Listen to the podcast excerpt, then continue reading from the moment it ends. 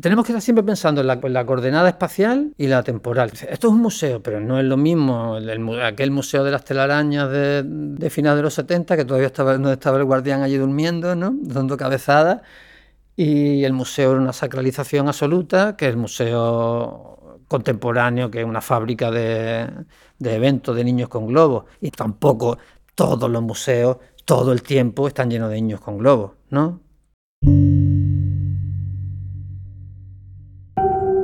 Fons. Obres de la col·lecció MACBA explicades pels artistas. Rogelio López Cuenca. Sí, estas obras, fíjate, que, que, me llaman la atención porque pertenecen a un, momento muy concreto, ¿no? Este, la primera, que es el, un plano de transportes públicos de la ciudad de París.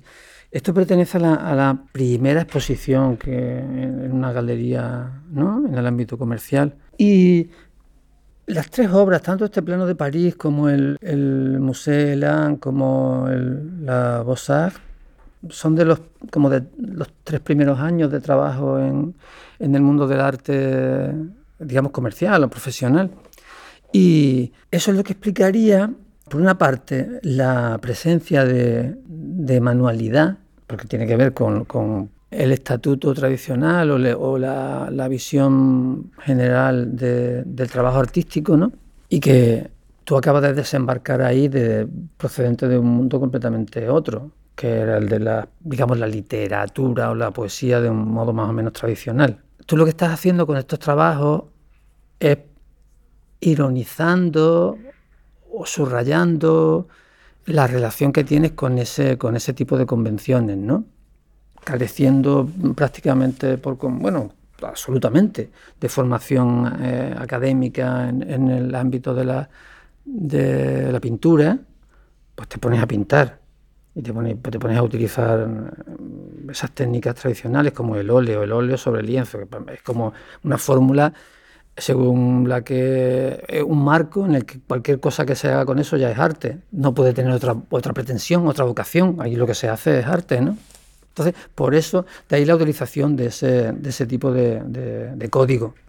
Aunque están presentes las letras, es decir, sería como un desplazamiento de, la poesía pues, evolucionada hacia el uso de las tipografías o la referencia a las formas visuales propias de la publicidad comercial, etcétera, que era el tipo de poesía que tú estabas haciendo ya en la transición de los 70 y los 80, ¿no? Un momento también de decadencia de determinadas prácticas de poesía visual, de poesía experimental, pero él tiene que ver con, con, tu edad, es el momento en que, tú en que te empiezas a familiarizar con eso, ¿no? Estudiando en los últimos años de carrera la literatura de vanguardia del, primer tercio del siglo XX, empiezas a interesarte por ese modo de hacer, ¿no? Y sufre un rechazo absoluto sin ninguna fisura por parte de pues, quienes controlaban el mundo de las ediciones, etcétera, ¿no? Como que en el ámbito de, la, de las artes visuales no se puede contemplar qué se está haciendo, sino de una manera dialéctica, como heredera, ya sea como continuidad, ya sea como negación, como crisis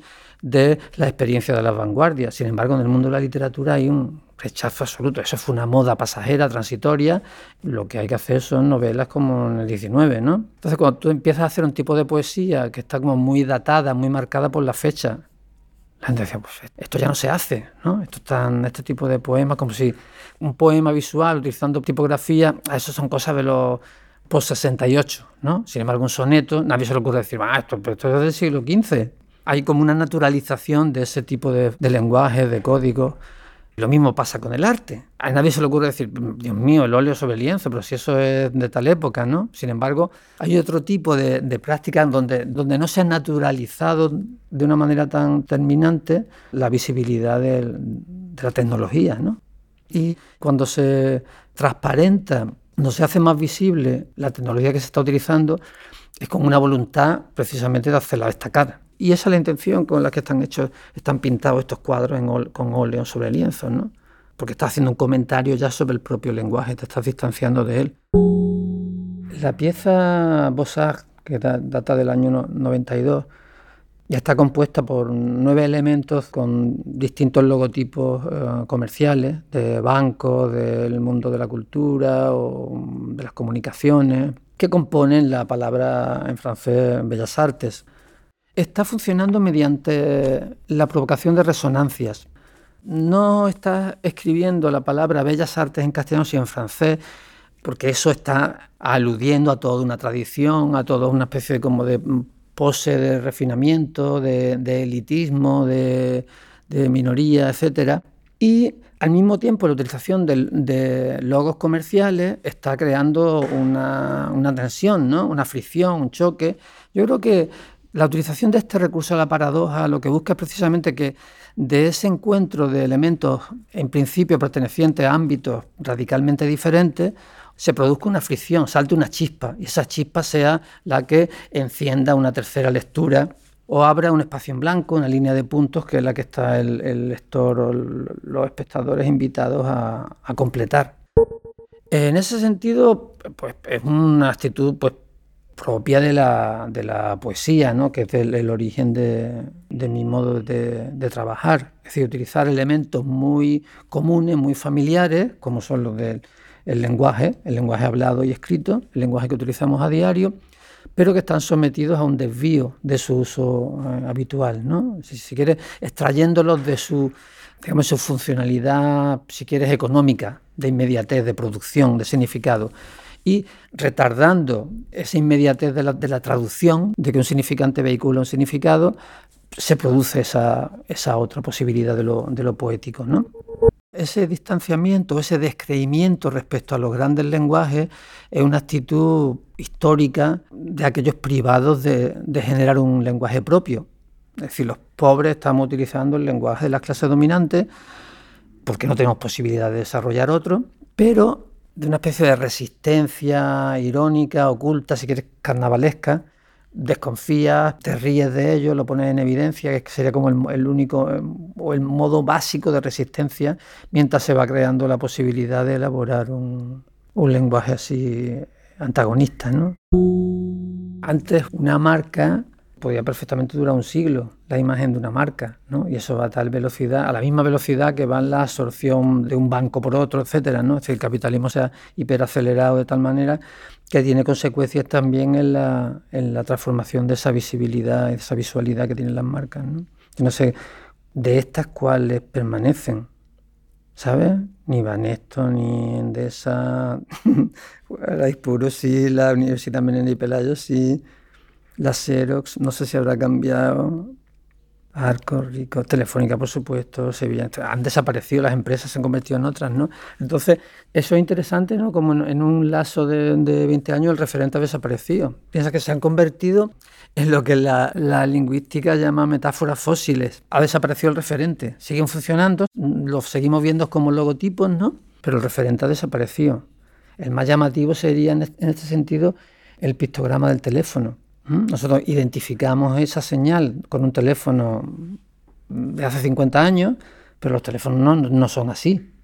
Sin embargo, no, se nos ocurre convertirlo en otro. ¿no? El plano de París pertenece a esa primera exposición que te había comentado que se llamaba Cartier Tatlin. Tatlin, Tatlin.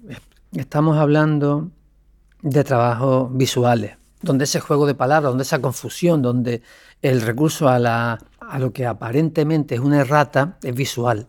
Entonces, cuando lo pronuncias, pues sabes que tatlín se dice tatlín y no se dice tatlán, aunque le falte la N final.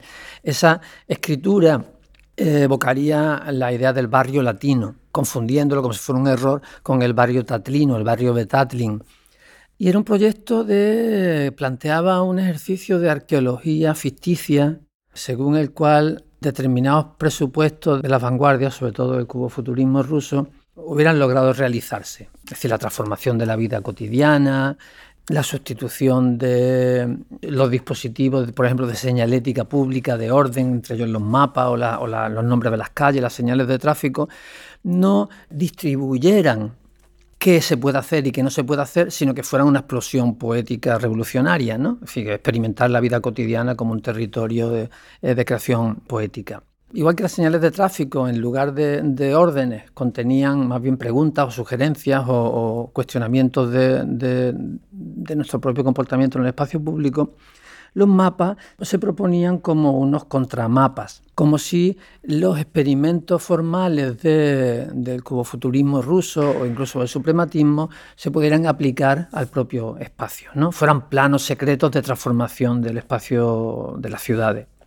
En realidad no estás haciendo una declaración explícita, terminante, sino planteando dudas, ¿no?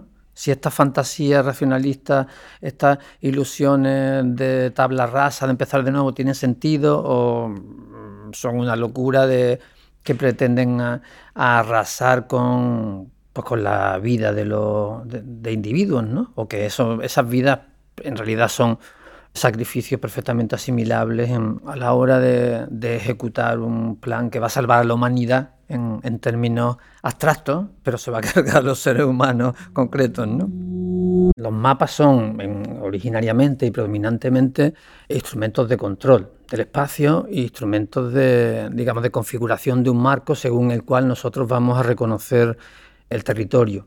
Pero al mismo tiempo, los mapas son susceptibles de, ser utilizados de otra manera. Son dispositivos reversibles que posibilita la experimentación de un modo de narración completamente distinto de del de un ensayo académico o el de un libro. ¿no? Te permite saltar la linealidad, es más, prácticamente no te permite hacer un relato único, sino que tiene infinitos puntos de entrada y de salida, infinitas, los recorridos son infinitos, igual que la propia ciudad, ¿no? permiten hacer, tener una experiencia completamente otra de la ciudad.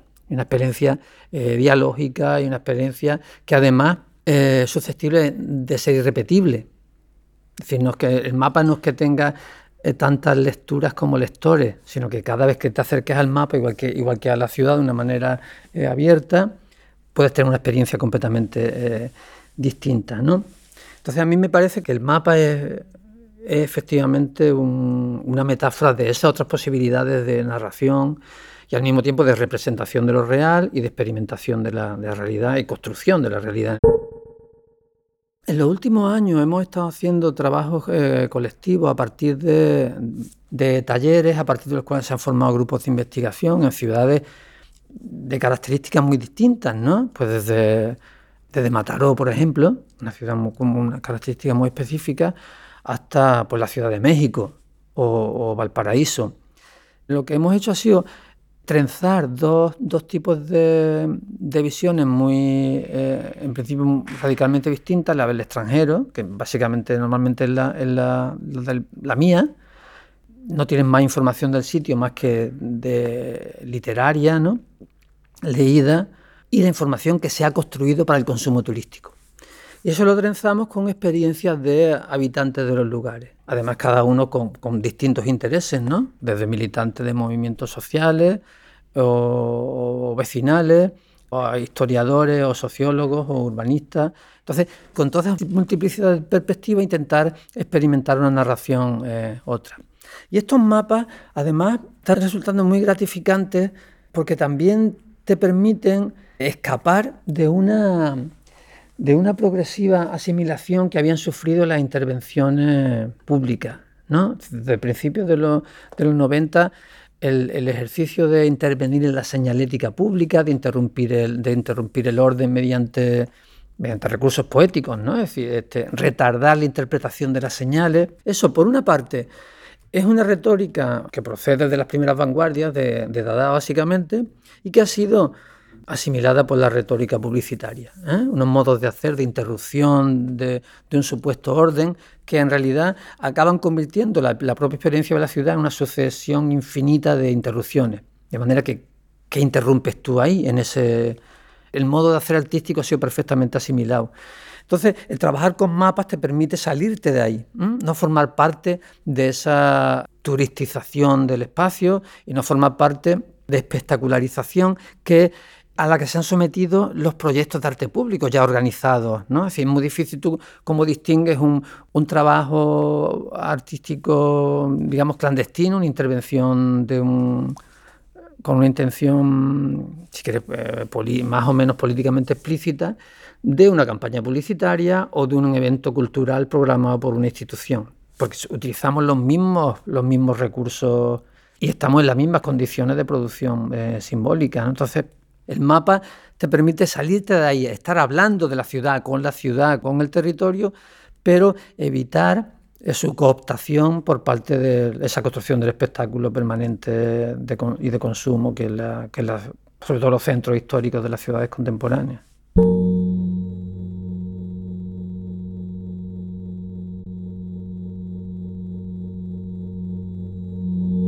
El trabajo en el ámbito de, las prácticas artísticas en, la actualidad exige una reflexión que evite, por una parte, la fantasía de la libertad absoluta, que estás haciendo lo que quieres, ¿no?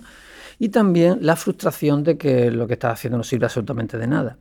A mí me parece que uno de los, mayores peligros de, de, ese simplismo, es decir, de pensar que lo que vas a hacer va a transformar el mundo inmediatamente, eh, como eso no va a suceder, lo que da lugar es al, mayor de los cinismos, ¿no? Es una invitación a que reconozcas que esto es un, efectivamente es un lugar para donde se puede ganar mucho dinero, ¿no? Con esa actitud uh, cínica te evitas cualquier tipo de, complicación o de, o de conflicto, si siquiera hasta de remordimiento.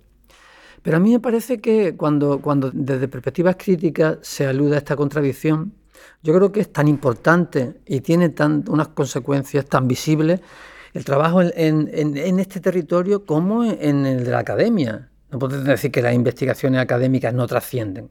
Trascienden de una manera este, más porosa, más reticular, no, es, no funciona como la publicidad. ¿no? Un lema cuyas consecuencias se traducen inmediatamente en la venta de 500.000 automóviles de tal modelo. Esta es otro tipo de trabajo con otro tempo, con otra eh, velocidad y efectivamente vas descubriendo pues como terminologías que se acuñan para interpretar críticamente realidades, pues lo mismo tardan 10 años en popularizarse y tardan a lo mejor una década en ser apropiadas por un discurso del orden que los desactiva. El proceso es, digamos, permanente no tiene más remedio que ir eh, renegociando porque si algo caracteriza a este monstruo versátil que se transforma y se readapta de una manera magistral a todas las situaciones, que lo que llamamos capitalismo, mm, neocapitalismo, tardocapitalismo, es efectivamente su versatilidad, su flexibilidad, su capacidad de no conformarse con un sistema cerrado, lo que acabaría provocando su crisis, sino ser capaz de ir eh, asimilando este, novedades. ¿Qué sucede? Que en ese proceso de asimilación se producen conflictos, fricciones que van en unos momentos abriendo, digamos, posibilidades de transformación social que beneficien a la mayoría, o lo contrario. Es, una, siempre una situación eh, dialéctica, ¿no? Entonces yo creo que, mm, que, lo que no hay es ni que minusvalorar las posibilidades del territorio en el que estamos trabajando, ni tampoco sobrevalorarlas porque tenga mucha visibilidad, etcétera. ¿no?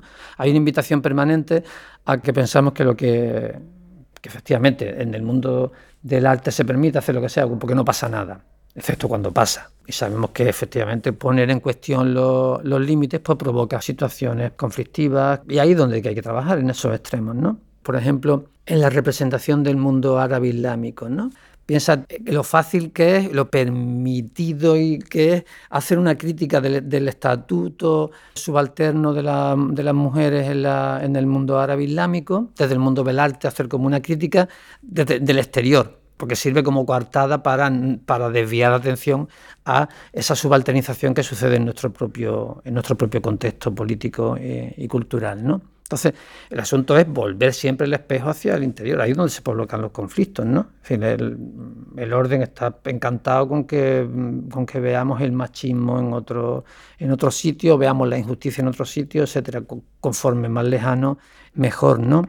El otro día estábamos en un, en un taller sobre el mundo árabe islámico, estábamos hablando sobre la unanimidad que en la sociedad española existe respecto a la solidaridad con la causa del de, independentismo saharaui, ¿no? Y cómo ahí confluían desde la extrema derecha política hasta la extrema izquierda eh, tercermundista o revolucionaria. Y entonces veías que, ahí efectivamente estaba funcionando porque, porque no, no cuestionaba nada. Es decir, la solidaridad está en un sitio remoto en el que sentimentalmente expresamos un, pero no cambia en absoluto tu vida.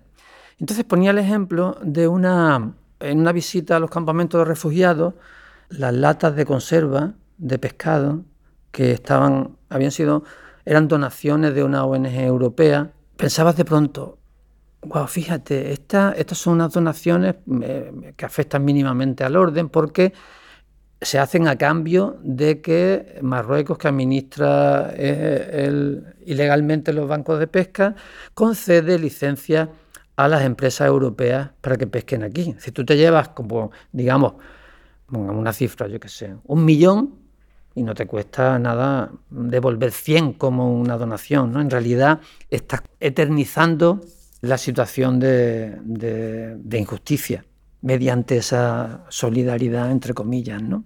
Así que está perfectamente calculado para que no se mueva.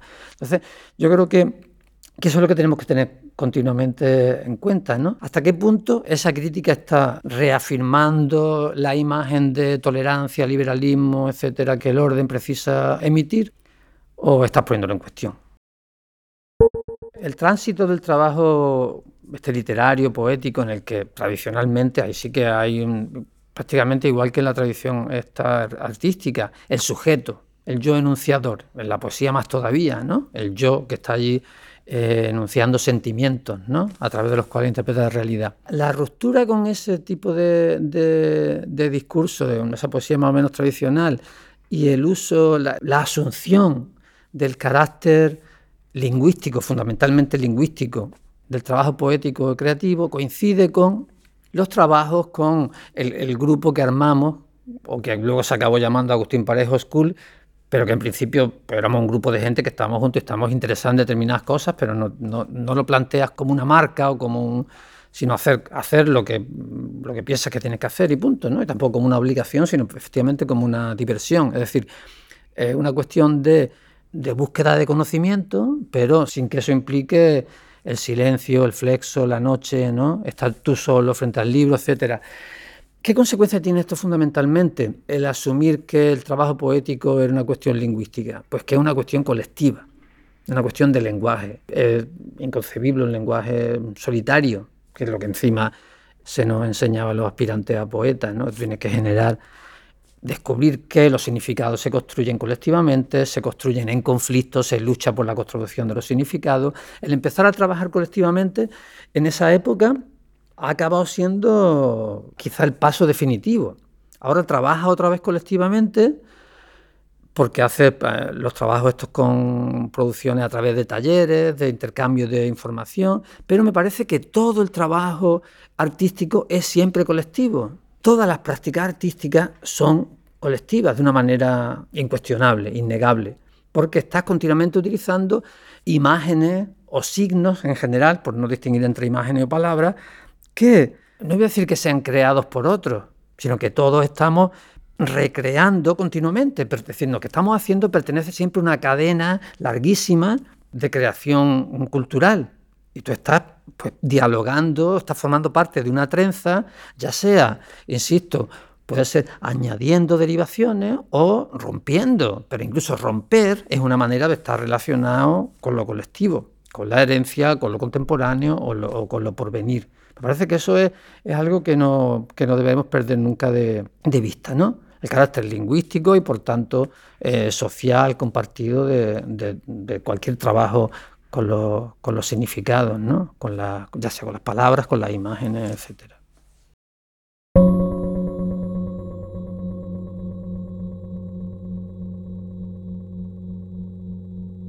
Agustín Parejo School es un nombre que nos, dimos con motivo de una exposición, la primera exposición que hacíamos, como la primera vez que te invitan a participar en un circuito inequívocamente artístico y hacer una actividad propiamente artística, como una exposición.